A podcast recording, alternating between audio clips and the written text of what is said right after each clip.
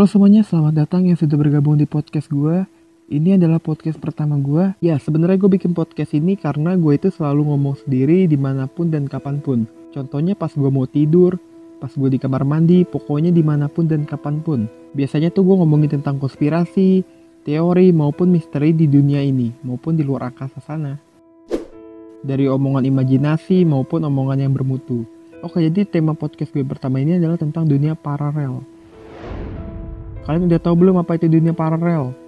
Singkatnya dunia paralel adalah sebuah dunia yang berjalan sejajar dengan dunia realita. Di samping kehidupan yang kita kenal dan kita jalani sekarang, ada satu atau lebih kehidupan lain yang juga berjalan secara bersamaan dalam dunia paralel. Awalnya dunia paralel itu dianggap sebagai imajinasi dalam cerita fiksi. Tapi kini sekarang banyak teori yang menjelaskan dan mendukung keberadaan dunia paralel. Para ilmuwan fisika berada di garis depan sebagai pihak yang mencoba menjelaskan kemungkinan keberadaannya.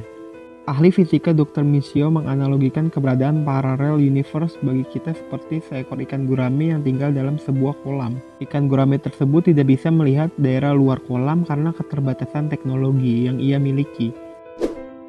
Demikian juga manusia, belum bisa melihat ke alam semesta lainnya dengan alasan yang sama, yaitu teknologi.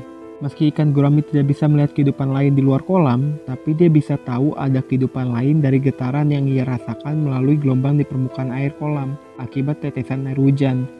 Getaran yang ia rasakan itu akibat gravitasi dan cahaya dari alam semesta lain. Saat ini diperkirakan ada 1100 galaksi di jagat raya. Jadi bukan tidak mungkin jika selain di galaksi yang kita tinggali sekarang, ada kehidupan juga yang sedang berlangsung. Jadi intinya dunia paralel itu bukan diisi suatu makhluk aneh yang tinggal di suatu tempat, tapi dunia yang sama dengan dunia kita saat ini, tetapi seperti dunia cermin. Contohnya, kehidupan kita di dunia ini, kita hidup seperti sekarang ini, tetapi ketika di dunia paralel, kehidupan kita ini berbeda. Contohnya, tempat tinggal kita, nama kita, nama negara dan kota lainnya, warna kulit, bahasa kita, dan lain sebagainya. Jadi, gue mau bercerita tiga kisah tentang dunia paralel, oke? Okay? So, nomor pertama, lelaki dari Tauret. Bandara Haneda Jepang tahun 1954. Pada hari itu semuanya tampak biasa saja. Aktivitas bandara pun nampak normal. Seorang pria yang menjalani baru saja turun dari pesawat, membawanya dari Eropa hingga ke Haneda mendatangi pos imigrasi untuk pemeriksaan paspor dan visa. Semuanya tampak biasa saja sampai petugas menemukan bahwa pria ini datang dari negara yang tidak dikenal sama sekali, Tauret, Itulah nama negara asal si pria dan ia bersikeras bahwa negara tersebut terletak di benua Eropa. Tapi nama Tauret tidaklah dikenal baik dalam peta dunia ataupun dokumen resmi lainnya. Saat petugas imigrasi menunjukkan peta, menanyakan kepada si pria di mana letak negaranya, pria tersebut menunjuk satu lokasi. Hanya satu itu bukanlah Tauret, tetapi Andorra dan merupakan negara yang diakui seluruh dunia. Pria yang mampu berbahasa Jepang dan beberapa bahasa lainnya bersikeras bahwa itu adalah Tauret, cap dan lambang tertera di dokumen perjalanannya bukanlah milik negara Andorra.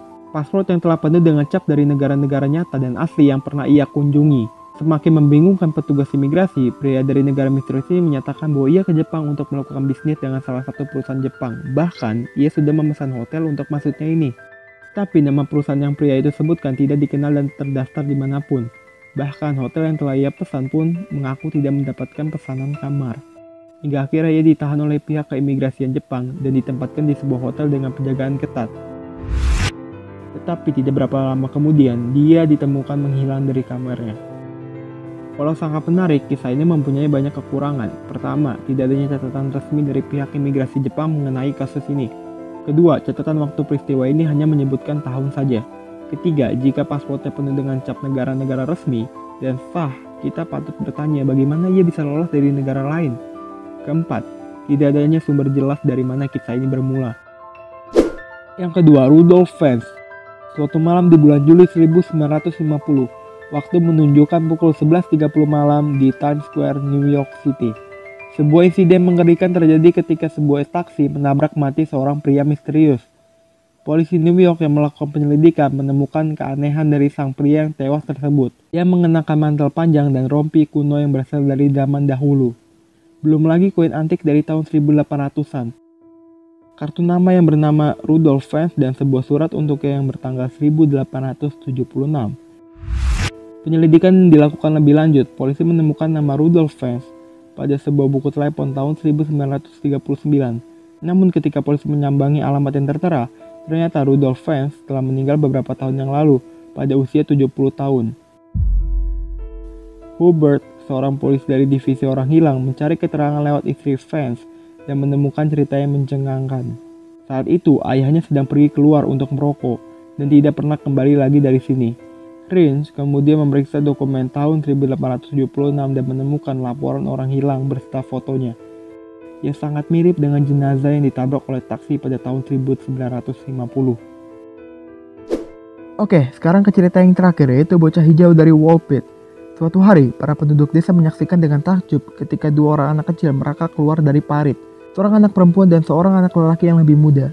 Mereka berdua menggunakan pakaian yang aneh dan berbicara dengan bahasa yang tidak dimengerti oleh para penduduk desa. Namun yang membuat para penduduk desa keheranan adalah kulit mereka. Seluruhnya berwarna hijau. Karena tidak bisa berkomunikasi dengan mereka, para penduduk desa kemudian membawa kedua anak tersebut ke rumah Sir Richard, seorang tuan tanah lokal. Di rumah itu, mereka tinggal dan diberlakukan dengan baik oleh Sir Richard dan para pelayannya. Namun tidak berapa lama kemudian, anak lelaki itu jatuh sakit dan kurang dari setahun, ia meninggal. Untungnya, anak yang perempuan berhasil bertahan hidup sejalan dengan perkembangan usia yang semakin dewasa. Warna hijau pada tubuhnya perlahan menghilang dan berubah menjadi normal. Ia diberi nama Agnes. Kemudian Agnes menikah dengan seorang bangsawan dari Norfolk dan menggunakan nama Agnes Bear. Karena nama ini pula, banyak yang percaya bahwa pemegang gelar Earl Ferrer gelar bangsawan Inggris yang sekarang adalah keturunan langsung dari Agnes. Selama di rumah Sir Richard, Agnes belajar bahasa Inggris. Ketika ia sudah lancar berkomunikasi, ia mulai menceritakan bagaimana ia dan adik laki-lakinya bisa sampai ke Walpit. Ia mengatakan bahwa mereka berasal dari sebuah tempat yang bernama Saint Martin, yang hanya memiliki sedikit cahaya matahari dan penduduknya semuanya berkulit hijau. Suatu hari ketika mereka berdua sedang membantu ayah mereka menjaga ternak, Agnes dan adiknya mendengar suara lonceng di dalam gua. Mereka mengikutinya menuju ke dalam gua sampai menemukan lubang di permukaan tanah yang sampai ke wall pit. Saat itulah kedua anak itu terlihat oleh para penduduk desa yang ada di ladang. Oke, itu adalah tiga kisah yang berhubungan tentang dunia paralel. Kesimpulan dari gue sih sebenarnya gue percaya tentang dunia paralel. Karena sebenarnya di dunia ini kita hidup dengan dua dimensi. Seperti contohnya di kepercayaan gue, bahwa kita harus mempercayai bahwa adanya makhluk lain selain manusia, yaitu jin dan yang lainnya. Karena mereka hidup berdampingan dengan kita dan berbeda dimensi, makanya hanya orang-orang tertentu yang bisa berkomunikasi dengan mereka. Menurut gua, ada baiknya dan ada buruknya juga.